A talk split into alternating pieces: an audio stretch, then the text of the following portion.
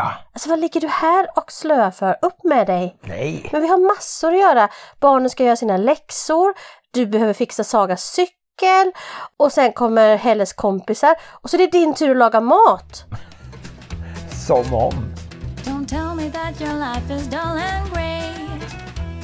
My only answer is hey, hey, hey, hey. Let's go crazy in the wild, and if by chance we make a child, that just means that we're alive and healthy. Hej och välkomna till avsnitt 224 av Bonuspappan och Plusmamman, en podd om livet i bonusfamiljer med tungpunkt, tungpunkt, tungdpunkt! tungdpunkt! Jag försöker igen. En podd om livet i en bonusfamilj med tyngdpunkt på föräldraskap och relationer.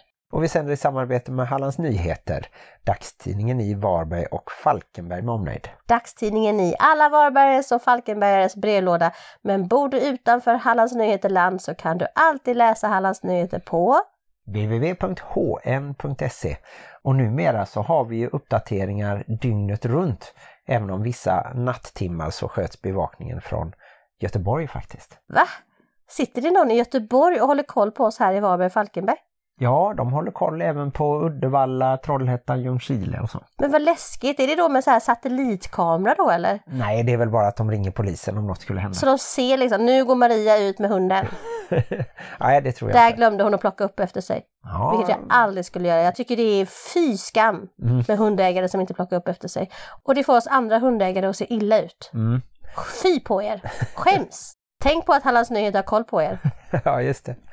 Och i veckan som har gått så har det ju bland annat kommit en lång recension av Falkenbergsrevyn som jag har skrivit och vi var ju på premiären men vi var faktiskt på olika föreställningar. Jag var på urpremiären och du var på galapremiären. Ja, och jag hade äntligen en dejt. Jag brukar alltid få sitta själv de första minuterna i salongen innan du springer in för att du håller på och skriver samtidigt som allting pågår. Du är som en siare. Du skriver innan det har hänt.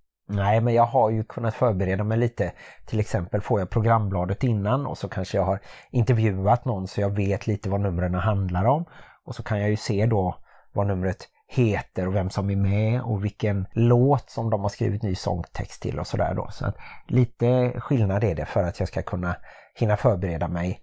Bilder har vi också, men i år till exempel så skadade sig Anna Karlsson på genrepet och då fick vi ju bara bilder från första akten. Och sen nu på premiären då hade hon kryckor i vissa nummer. Och då fick vi ta nya bilder för att man skulle se det då. Mm. I hur som helst så fick jag i alla fall sitta bredvid min kära vän Marie. Det var jättekul. Och din chef. Ja just det, vår chefredaktör gillar också revy och liknande så han var med och eh, ni som gillar revyer, ni ska absolut åka och se Falkenbergsrevyn. Den är störst i Sverige. De har redan sålt 22 000 biljetter. Så det är ju mer än de flesta showerna i Göteborg också.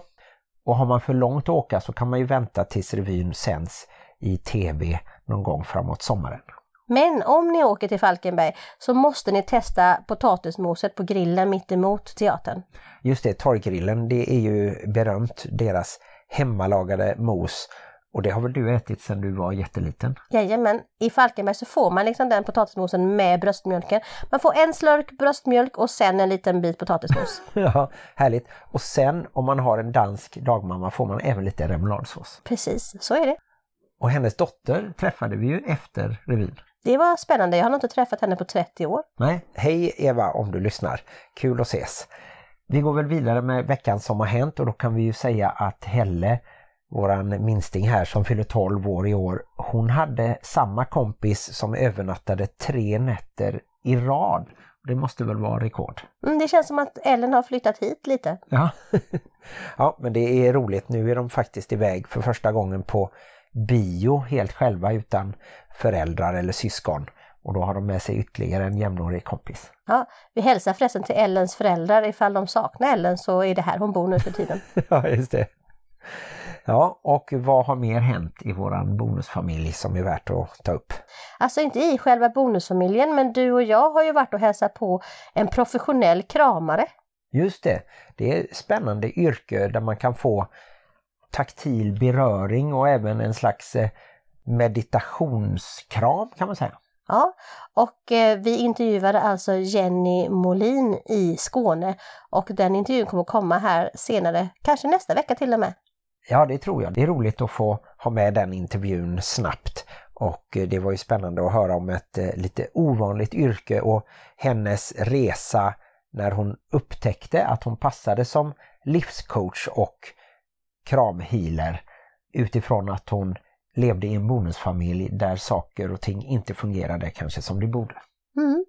Och vad har hänt mer? Jag tänker det har varit jullov eh, som kanske numera kallas för vinterlovet som julen är snart svunnen och det innebär att det är fullt med folk överallt och det tänker jag är ganska vanligt för bonusfamiljer runt om i landet att det kan vara ganska skönt när det återgår till det normala. När veckorna är som de ska, barnen är där de ska och eh, ja, det här med helger och sånt, jag tror inte att det är bonusfamiljernas höjdpunkt egentligen. Nej, det blir ju lite svårt med planering och sen blir det ju för alla föräldrar extra mycket jobb hemma när barnen inte är i skolan. Men annars så har vi det ganska bra i våran bonusfamilj nu. Vi har ju kanske, har, har vi nachoat någonting den här veckan? Vi hade ju Laurie och David Sims med förra avsnittet där de berättade om sin nachometod. Jag kan inte påstå att jag har eh, tagit fram nachokortet. Jag skulle ju som bonusförälder kunna säga att det är inte mina barn. Not your kids, nacho kids. Men jag tycker nog inte att jag har så att säga behövt göra det. jag tror inte att man får välja så här, ah, men nu kör jag lite nacho och nu kör jag lite som om. Och på tal om som om så ska vi ju prata lite mer om din och min metod som heter som om. Vilket är lite roligt också för att det, man kan ju säga ja, ah, som om eller as if. Men det betyder ju faktiskt att man tar steget in i bonusfamiljen istället för kanske som i nacho-metoden lite steget ut. Ja, ska vi börja och diskutera det direkt nu? Vi är väl klara med veckan som har gått. Ja, eftersom både du och jag börjar bli lätt dementa av ålder och erfarenhet så minns vi ju inte vad som har hänt den här veckan. Så det är lika bra vi kör.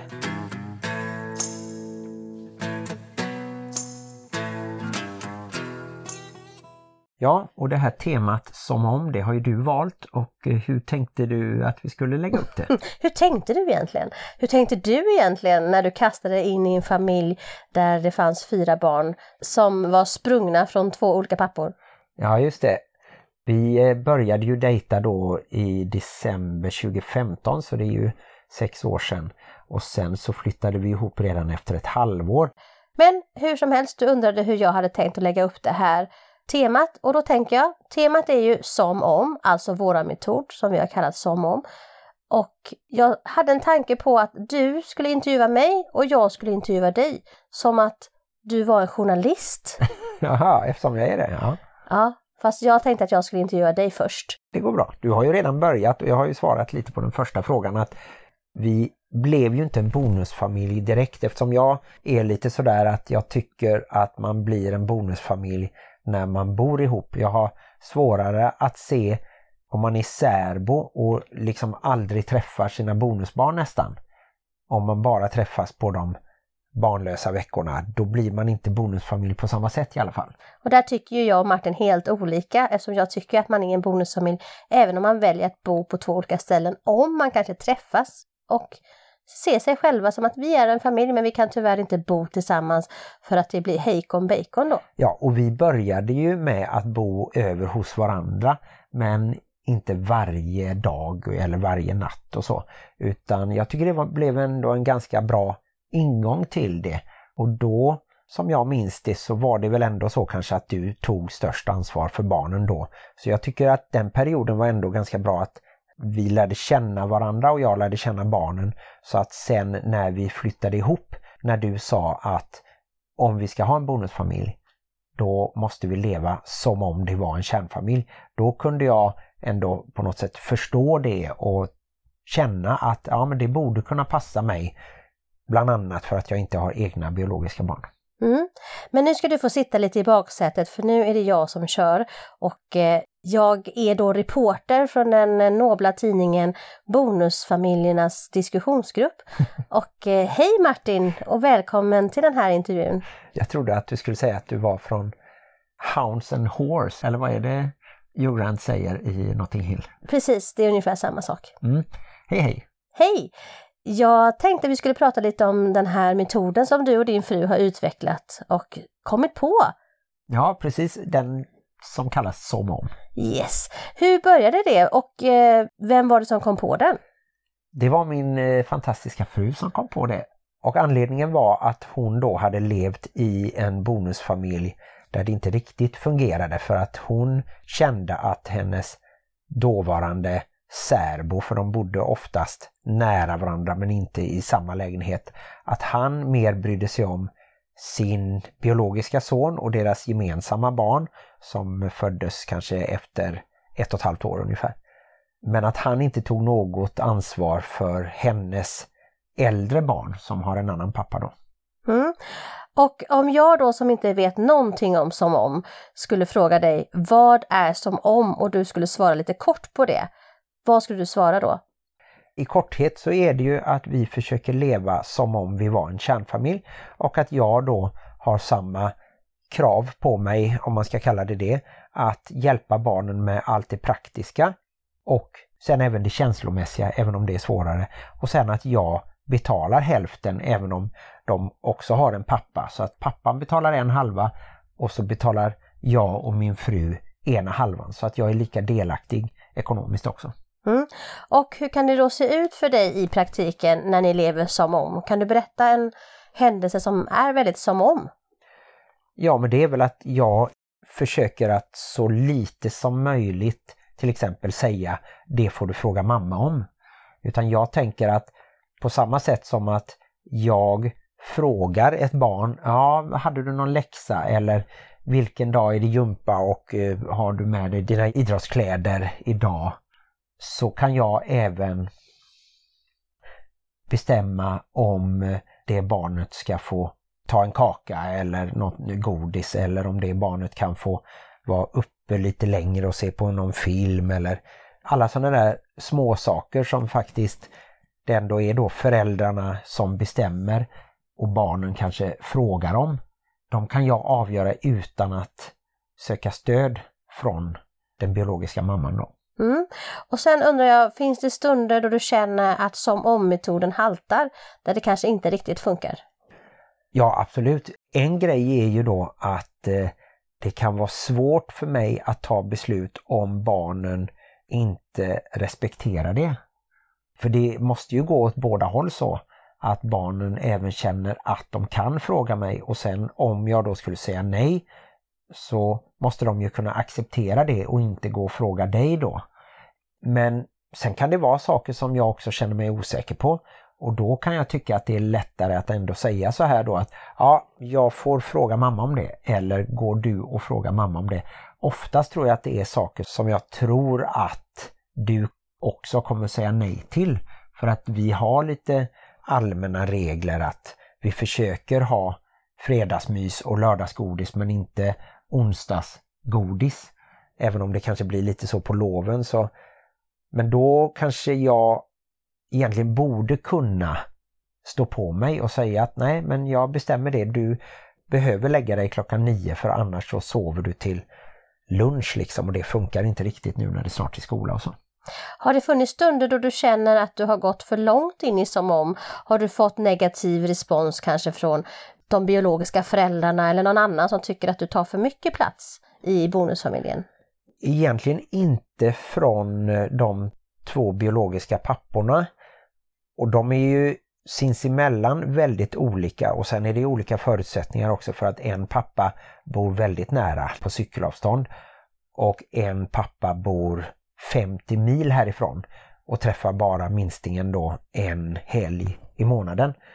Så de är ju närvarande på olika sätt och de är olika personligheter och så. Så att jag tycker nog att de få signalerna jag har fått har nog varit positiva. Att jag har till och med då kunnat kanske hjälpa till med saker med några av tonåringarna som jag har lättare för än deras biologiska pappa. Och jag har inte hört något negativt att jag skulle liksom försöka vara deras pappa eller ta någonting ifrån honom eller ta ifrån dem deras relation eller så. Som det är nu att två av tonåringarna har valt att bo heltid hos oss. Det beror ju inte på mig eller att de har en dålig relation med sin pappa utan som jag tolkar det beror det enbart på att här kan de få ett vanligt rum att ha för sig själva och så. Och det gick inte i den lite mindre lägenheten som pappan hade då. Mm. Och sen undrar jag, tror du det är skillnad att leva som om, om man är en bonusmamma eller en bonuspappa?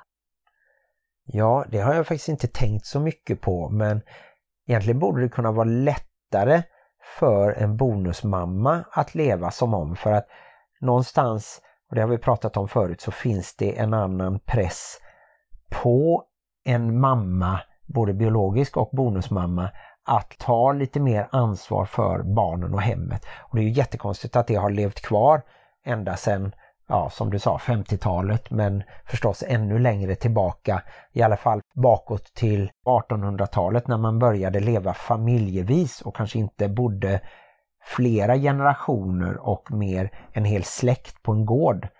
Och där man var faktiskt då flera föräldrar, även då mormor, morfar, farmor och farfar kanske som var med och hjälpte till att uppfostra barnen.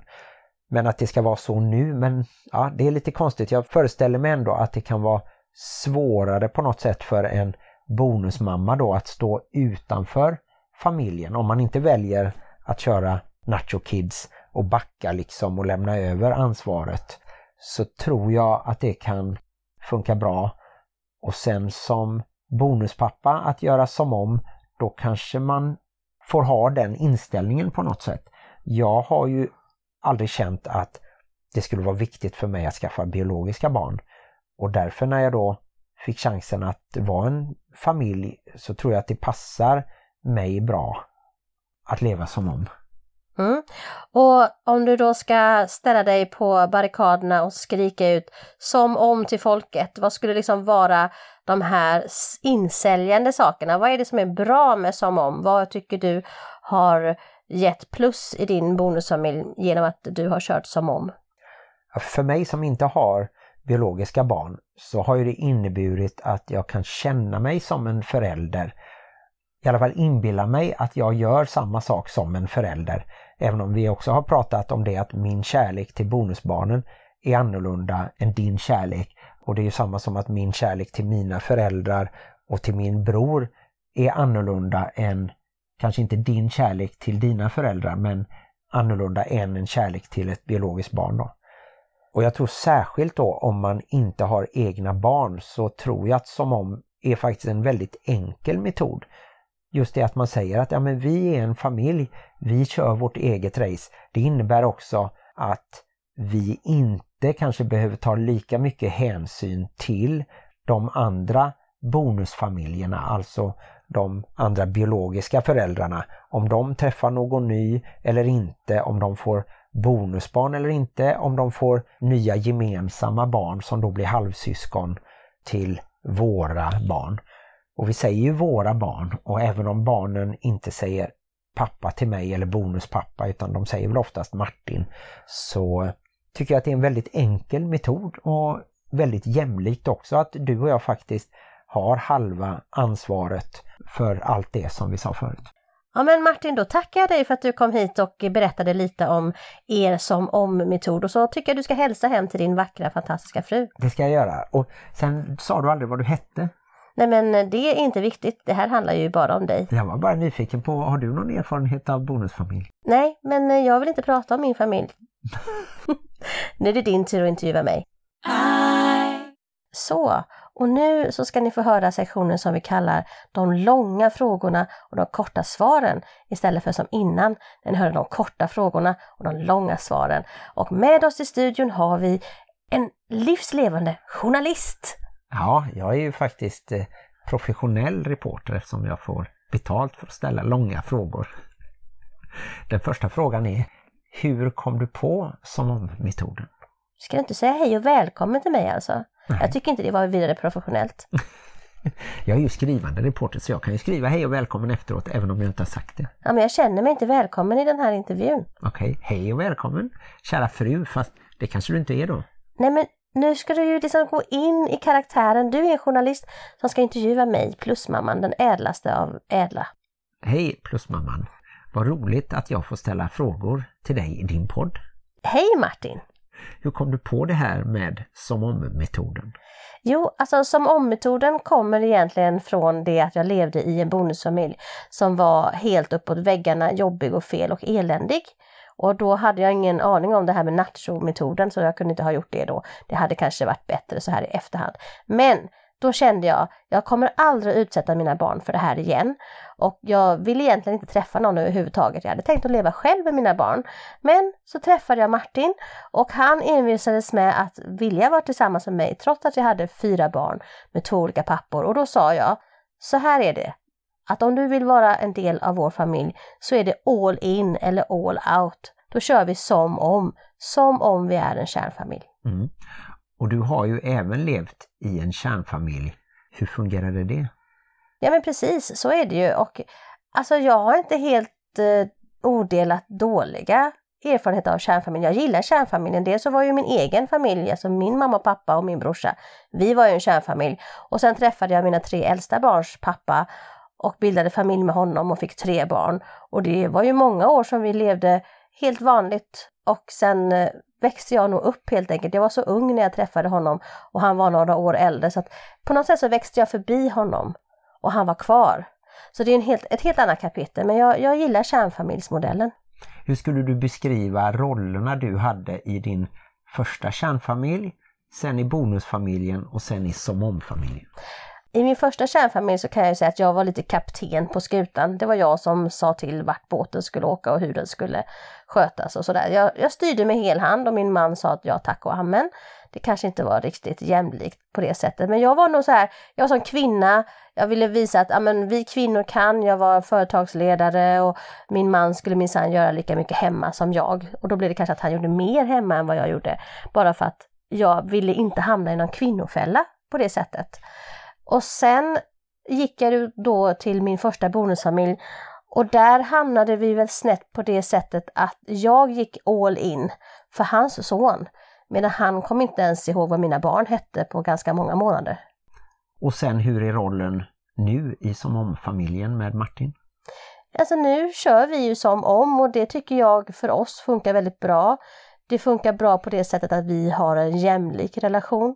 Det betyder att Martin gör lika många föräldrasaker som jag gör. Han kan ju ta barnen till tandläkaren eller till läkaren och ett tag när Helle var mindre så gick han ju upp på nätterna och sa det finns inga spöken i garderoben och sånt och så kunde jag sova. Så att på något sätt så tror jag att jag har fått den kärnfamiljen som jag hade velat ha från början.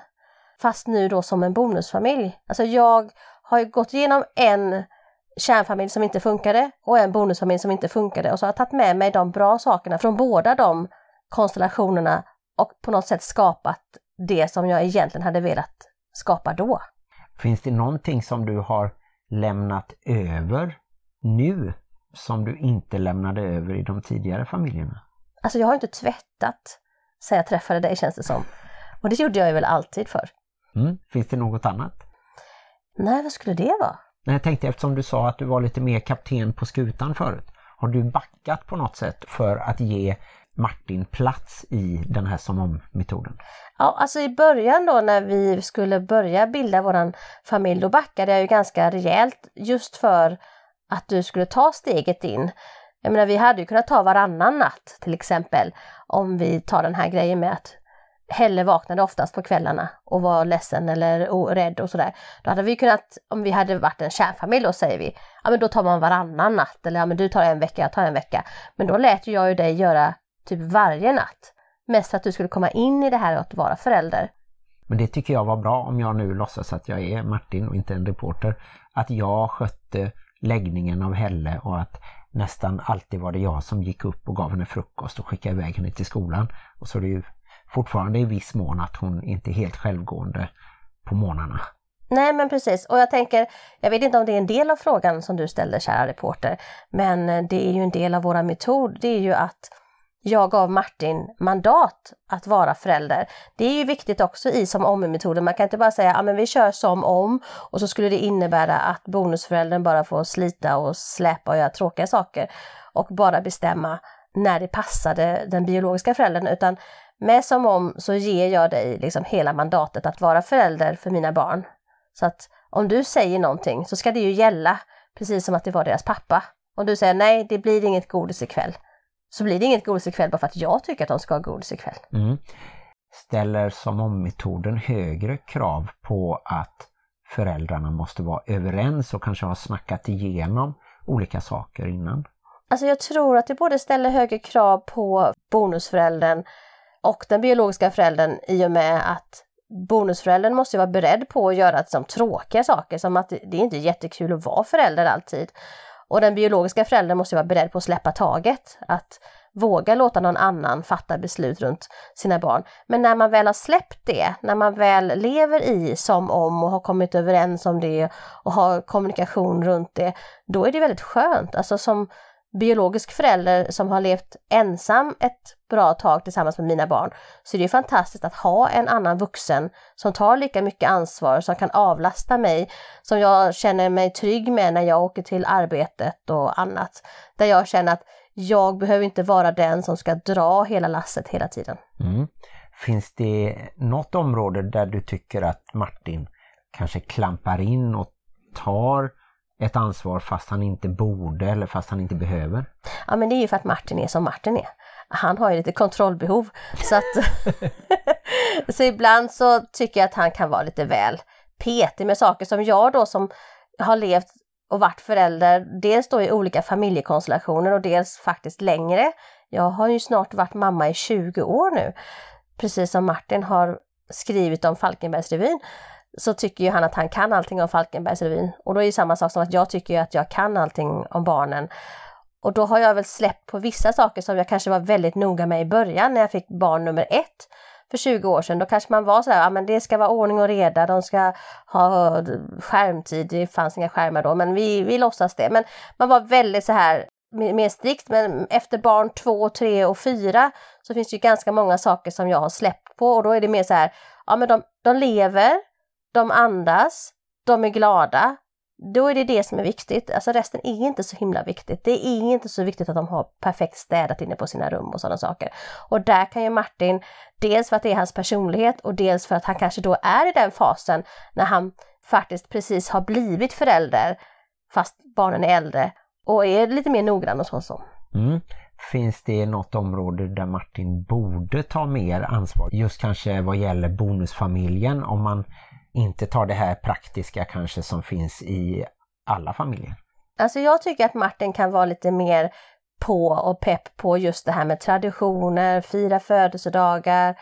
Just sådana här saker som jag tyckte var viktigt i en kärnfamilj, det är att pappan då, eftersom jag levde i en tvåkönad kärnfamilj, att pappan kanske hjälper till när det ska köpas presenter och firas för mamman och mamman hjälper till när det ska firas kanske fars dag och mors dag och sånt för pappan och alltså det tycker jag att Martin kunde ha varit lite mer alert på. Att eh, fira julafton och sånt, pynta, se till att man eh, håller traditioner som midsommar och påsk och annat. Mm. Finns det någonting som du tycker att du själv borde gå in och ta mer ansvar för? Alltså jag borde nog tvätta mer känner jag. Men det är inga problem om du frågar Martin. Det vet jag eftersom jag är Martin. Ja men ibland tycker jag att Martin uttrycker att han alltid tvättar och då tänker jag att så jäkla jobbigt är det inte att tvätta. Det är att ta hand om tvätten som är jobbigt. Så att jag skulle ju kunna tvätta så hade inte Martin haft någonting att gnälla över. Ibland så tror jag att han mest gnäller över att saker inte kommer ner i tvättkorgen och sen när de är tvättade att de inte kommer in i garderober och byråer och så. Jag får prata med Martin om det här. Ja. Ja, men då tror jag inte att jag har några mer frågor men eftersom jag är en professionell reporter så kan jag avsluta med en fråga som jag ofta använder i mitt jobb på Hallands Nyheter. Gud vad spännande! Ja, den är så här. Finns det något mer som jag borde fråga om som du tycker att jag har glömt fråga om? Ja, men jag tycker att du har glömt att fråga om det här vem passar som om för. Och det brukar jag och Martin vara väldigt tydliga med att säga att som om passar inte för alla. Det så passar det ju inte om barnen inte gillar det. Om barnen skulle sätta sig på tvären och kanske inte alls lyssna på bonusföräldern eller eh, ja, tycka att eh, vad kommer den här gubben eller tanten in och ska bestämma och, och så. Så att det här funkar ju när dynamiken i bonusfamiljen är sån att barnen accepterar den nya vuxna som en auktoritet, som en förälder.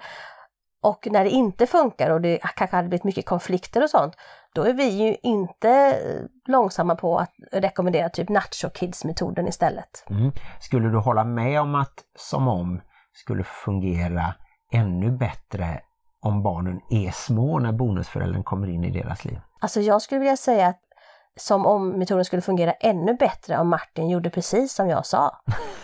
Men för övrigt så har du rätt i det att det är lättare att leva som om om man kommer in tidigt i barnens liv, för då blir det mer naturligt tror jag. Då ser nog barnen en vuxen som, som en slags förälder och man bildar kanske tidigt en relation där man faktiskt bryr sig om och vill ta hand om det här lilla barnet och så vidare. Men det är inte säkert att det funkar heller för att små barn är ju oftast ganska bundna till sin biologiska förälder och kanske saknar den och längtar efter den och, och sådär. Så jag ska inte säga att det är enklare, för att med äldre barn kan man ju faktiskt prata och diskutera så att ja men jag förstår, du har en annan familj och där gör ni som ni vill, men nu i våran familj så gör vi så här. Mm. Så att det finns ju för och nackdelar. Så om vi som avslutning låter dig sälja in som om metoden, vad skulle du säga till de lyssnarna som kanske vill prova? Mm. Då skulle jag vilja säga att det som är enkelt med som om, det är att du bara behöver fokusera på din familj. Vad ditt ex gör eller vad din partners ex gör eller vad som händer i deras familjer. Om de betalar eller inte betalar eller ställer upp eller inte ställer upp. Det spelar ingen roll, du behöver bara fokusera på vad du och din partner kommer överens om i er familj och kan lägga all fokus på att bilda en gemenskap och en familj med de barnen som finns i ert hem när de finns i ert hem. Och ni jobbar alltså tillsammans mot en familj som är er familj, som ingen annan kan lägga sig i. Mm. Och om du skulle varna för någonting, hur skulle det kunna låta? Gift er inte med Martin. Nej, jag bara skojar. jag är redan gift. Ja, det är du. Det stämmer. Fast du är inte Martin nu. Nej, just det. Ska jag vara allvarlig så är det ju faktiskt det här att man kan inte köra på med som om, om barnen inte är med på tåget. Man kan inte köra över barnen med som om, utan det krävs ett samarbete, ett godkännande, ett erkännande. Så det är som en dans man gör med bonusbarnet och har man då inte den kontakten med sitt bonusbarn så kan det bli svårt. Ja, det var mycket och mycket bra tycker jag och eh, nu ska vi alla smälta det här och eh, då vill jag framförallt tacka dig Maria Plusmamman för att du var med på den här fantastiska intervjun. Tack du intervjuare!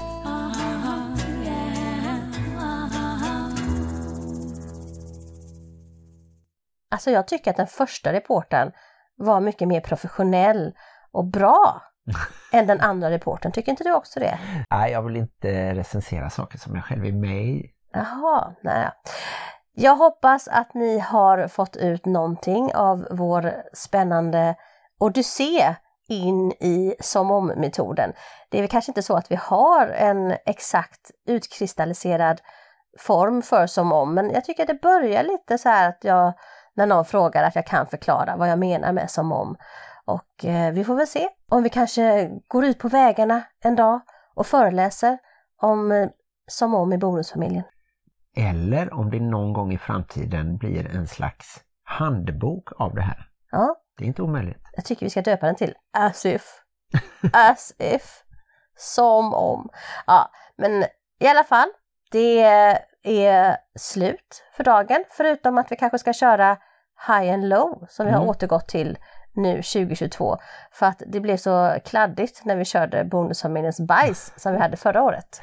Då kan jag ju börja med att eh, veckans low, om jag får ta low först, det är att jag tycker det är svårt när jag inte vet var barnen ska hålla hus. Jag tycker att det var lättare när vi till exempel hade De fastbundna i källaren. scheman på kylskåpet. Då visste vi när de skulle till skolan och när de ungefär kom hem och då kunde vi förbereda oss lite och då tänker jag att det är för deras egen skull att vi är mer förberedda. Till exempel så skulle vi se om någon försov sig. Då skulle vi kunna skicka ett sms och får vi inte svar så kanske vi går och knackar på dörren och så. Och samma gäller då våran äldsta dotter som jobbar men som vi inte har någon aning om ens vilka dagar hon jobbar. Och hon sköter ju sig själv nu med tanke på då att hon köper och lagar sin egen mat förutom när vi bjuder henne. Och då tycker jag att det hade underlättat om vi hade kunnat få ett schema där. Men samtidigt så, ja, det kanske är att inkräkta på deras eh, frihet på något sätt. Men det är för mig personligen som har lite kontrollbehov, som vi har sagt. Så eh, Härligt att höra dig erkänna det ändå, Martin. För mig veckans low är när det blir så här flytande att vi hela tiden måste fråga, ja men vem är hemma då? Och jaha, är du, ska du repa musikal? Och ja, jobbar du helgen? Och så leder en vardag och så, ja. Men Alltså, ni det- förstår det är hur jobbigt Martin Det är ingen större fara. Tänk att ha kontrollbehov och så leva i en familj där allting flyter. Tänk hur bra vi har det om detta är veckans low. Precis. Eh, jag vill bara kommentera det. Eftersom jag bestämmer allting så kan jag få kommentera det, även om man inte kanske ska kommentera någon annans low. Så är det ju faktiskt så att våra tre äldsta barn är ju nu detta året 18, 19 och 20. Så lite tycker jag att det är dags att vi släpper taget lite, låter dem gå på sådana här smällar som att de kommer för sent för att de inte sätter klockan och blade blade. Även om det kan göra ont i en själv, man tänker att ah, hade jag bara vetat det så hade jag ju kunnat väcka. Men en dag så kommer inte du och jag att finnas där, så det, det är nu de lär sig det. Mm. Det är okej. Vill du ta en high eller en low? Alltså du kan få ta din high också, för min high och low, de hör lite ihop. Mm. Då tar jag min high och det är att eh, jag tycker att vi får en härlig gemenskap genom våran lilla corgi-valp som just idag tror jag det är fyller nio månader. Mm, det är som en graviditet. Och eh, vi firade nyligen att vi hade fått ha honom hos oss i exakt 200 dagar och då hade vi även bott 250 dagar i huset och just nu ligger han nedanför dina fötter i sängen sådär härligt avslappnad. Men jag känner att det är en liten ingång till att jag får kontakt med alla bonusbarnen. Vi kan prata om Parker och vi kan gosa med honom tillsammans och vi kan hjälpas åt så att eh, jag ber någon ge honom mat eller jag torkar av honom när någon av, något av barnen har varit ute på en promenad och sådär. Så att det känns som inte ett gemensamt barn men ändå en liten levande varelse som svetsar samman familjen. Ja, men jag tänkte precis det. Det är ju lite som när det föds ett gemensamt barn i en bonusfamilj. Så blir det som en punkt av kärlek som alla kan älska. Mm. Och man kan hjälpas åt med att, mata och se till att eh, levande varelsen går på toaletten då och då. levande varelsen. Martin har ju gått från att vara helt husljushatande till att faktiskt ha riktiga känslor för Parker. Så att, eh, att han kallar Parker för den levande varelsen, det är bara lite kvarlever från hans före detta liv. Men det är också för att eh, jag tänkte säga djur eftersom jag ser eh, att även människan är ett djur så kan man ju säga det lilla djuret men om man skulle säga det om ett gemensamt barn Det lilla kanske- djuret, det är ju du. Det lilla, det lilla ludna djuret på den andra sidan av sängen. Den felande länken, det är jag som är beviset för att evolutionen är sann. Att den inte fungerar. Ja, och din eh, high and low. Ja, jag sa att min high and low skulle liksom lite höra ihop. Och då tänkte jag, min high och low, det kanske kommer att liksom gå in i varandra lite, så försök hänga med nu. Vi träffade ju Jenny igår och hon eh, rotade lite i vår historia och det får ni höra i nästa avsnitt. Och då fick jag massa tankar så här, alltså, vad är det som väcks i mig av det gamla ibland när du och jag har konflikter. Då tänker jag att ja, men det kommer ju vara saker som jag kanske har olöst då från min första relation med Anders, de tre stora barnens pappa, och olösta konflikter med min yngsta dotters pappa som kanske då blossar upp i min relation till dig. Och att jag ibland också kastas tillbaka, som nu när vi var på second hand. Då kastades jag tillbaka till min första relation där jag bestämde allting. För jag tänkte, ja men det blir bra när jag bestämmer allting. Det, det, det funkar, jag behöver inte förklara för någon vad jag tänkte eller tyckte utan jag bara körde på mitt race. Och där stoppar ju du ibland för du vill ju också vara delaktig och veta hur jag tänker och hur jag funderar och då kan jag bli irriterad på dig att ah, men låt det vara, alltså bara jag, jag vet vad jag gör. Ja, då tänkte jag att det kan vara en low i våran bonusfamilj för att det är så mycket gammalt som man har med sig in i en bonusfamilj tänker jag. Ja, intressant. Ja, så att det var lite min low. där då. Men det var ändå en haj att jag faktiskt lyckades hitta alla glasflaskor och glas och tallrikar så jag kan duka ett härligt bord när vår dotter fyller 20. Och nu sa jag vår bara för att visa att det är ju vår dotter, även om det var jag som födde henne och någon annan jävel som spermdonerade henne.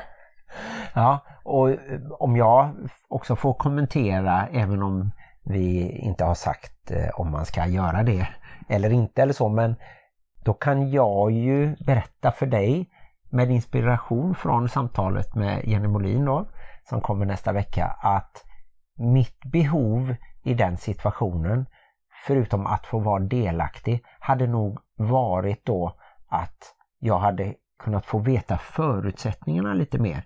För jag trodde att du skulle leta efter någon vas ungefär och inte att vi skulle köpa 30 grejer och att det skulle kosta flera hundra och så. Och då slår min försiktiga ekonomihjärna till lite där och jag tycker att oj vad mycket det blev eftersom jag inte hade fått vara med i planeringen.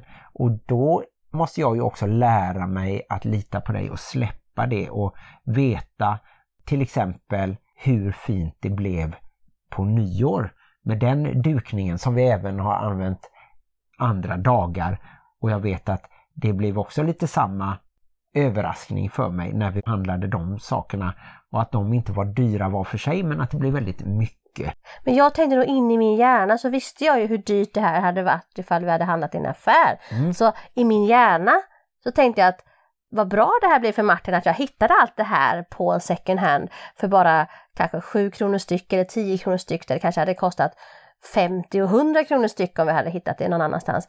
Men att jag då missade det här med att faktiskt säga det att de här sakerna hade kostat si och så mycket i en annan affär. Mm. Och kanske visat dig min vision. Men samtidigt så vill jag ju överraska när jag väl gör den här dukningen. Mm. Som jag tror att ni kommer att gilla. Det så var det med den saken. Det var min high and low i alla fall. Ja. Att man har med sig mycket gammalt bös in i bonusfamiljen kan vara en low. Men att man fyndar på sin lokala second hand, det kan vara en high. Ja, och de pengarna som vi även då betalade när vi var på Röda Korset går ju vidare och blir till ett bra syfte. Det blir ju lite som att eh, skänka av vårat överflöd till de som faktiskt har det mycket, mycket sämre. Precis, det är det jag alltid säger, det är det du aldrig vet. Jag säger ju alltid det, men när man köper på en sån här second hand där de faktiskt skänker pengar vidare så gör man ju typ en god gärning för miljön, en god gärning för sin plånbok, en god gärning för den människan som blev av med skiten och en god gärning för pengarna som går vidare. Ja, och du vet ju att jag älskar second hand och det kanske är ovanligt för män i min ålder, det vet jag inte. Men eh, Allting du gör är ovanligt för män i din ålder Martin. jag känner mig ju inte som min ålder, det kanske är därför. Nej, det är väldigt spännande när Martin går och pekar på folk. Ja, han ser ju jättegammal ut och han ser ju jättegammal ut. Jag bara, men du ser ju äldre ut. Ja. Det var i, i den här eh, Beck-filmen som vi hade förmånen att få se nu lite i förväg. Den som heter Rage Room. Jag tror den kom eh, den 14 januari.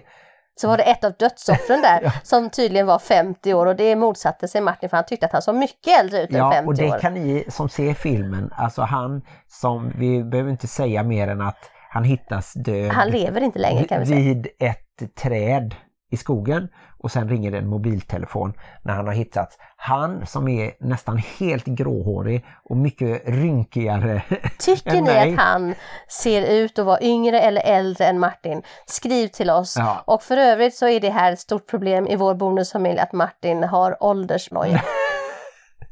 Så farligt är det väl inte. Men eh, vill ni skriva till oss så kan ni ju mejla på bonuspappan.plusmamman gmail.com Men ännu lättare kanske det är att skicka DM på Instagram eller PM på Facebook. Där finns ju både våran vanliga sida och även bonusfamiljernas diskussionsgrupp som vi kan rekommendera. Där finns många duktiga föräldrar och bonusföräldrar som skriver svar på era undringar. Ja, och om man vill se hur livet i bonusfamiljen har åldrat Martin så kan man scrolla tillbaka långt bak på vår Instagram så ser man att han har blivit gråhårigare och gråhårigare och gråhårigare för varje år som gått. Men jag håller i alla fall eh, vikten och eh, humöret uppe. Jag, jag håller vikten uppe, lät det som nu. Men Du håller formen. jag håller väl eh, igång tycker jag. Nu är det dags att säga att livet i bonusfamiljen kan vara besvärligt. Men också härligt. Hej då! Nu måste jag gå och diska alla de 18 flaskorna och de 12 vaserna. Jag köpte 18 ljusstakar, eller flaskor som ska bli ljusstakar, Mm. och 12 vaser. Och vet du vad jag ska gå och titta För efter? mindre än 500 kronor. I garaget så ska jag titta efter om jag har kvar de ölglasen som är exakt likadana som de du köpte idag. Har du sparat dem fast jag sa att du skulle göra dig av med dem? Jag började fundera på om det fanns en liten låda från Ikea någonstans uppe på en bokhylla i garaget faktiskt. Men jag kan minnas helt fel. Jag har för dålig koll på garaget. Jag tror att du bara ljuger.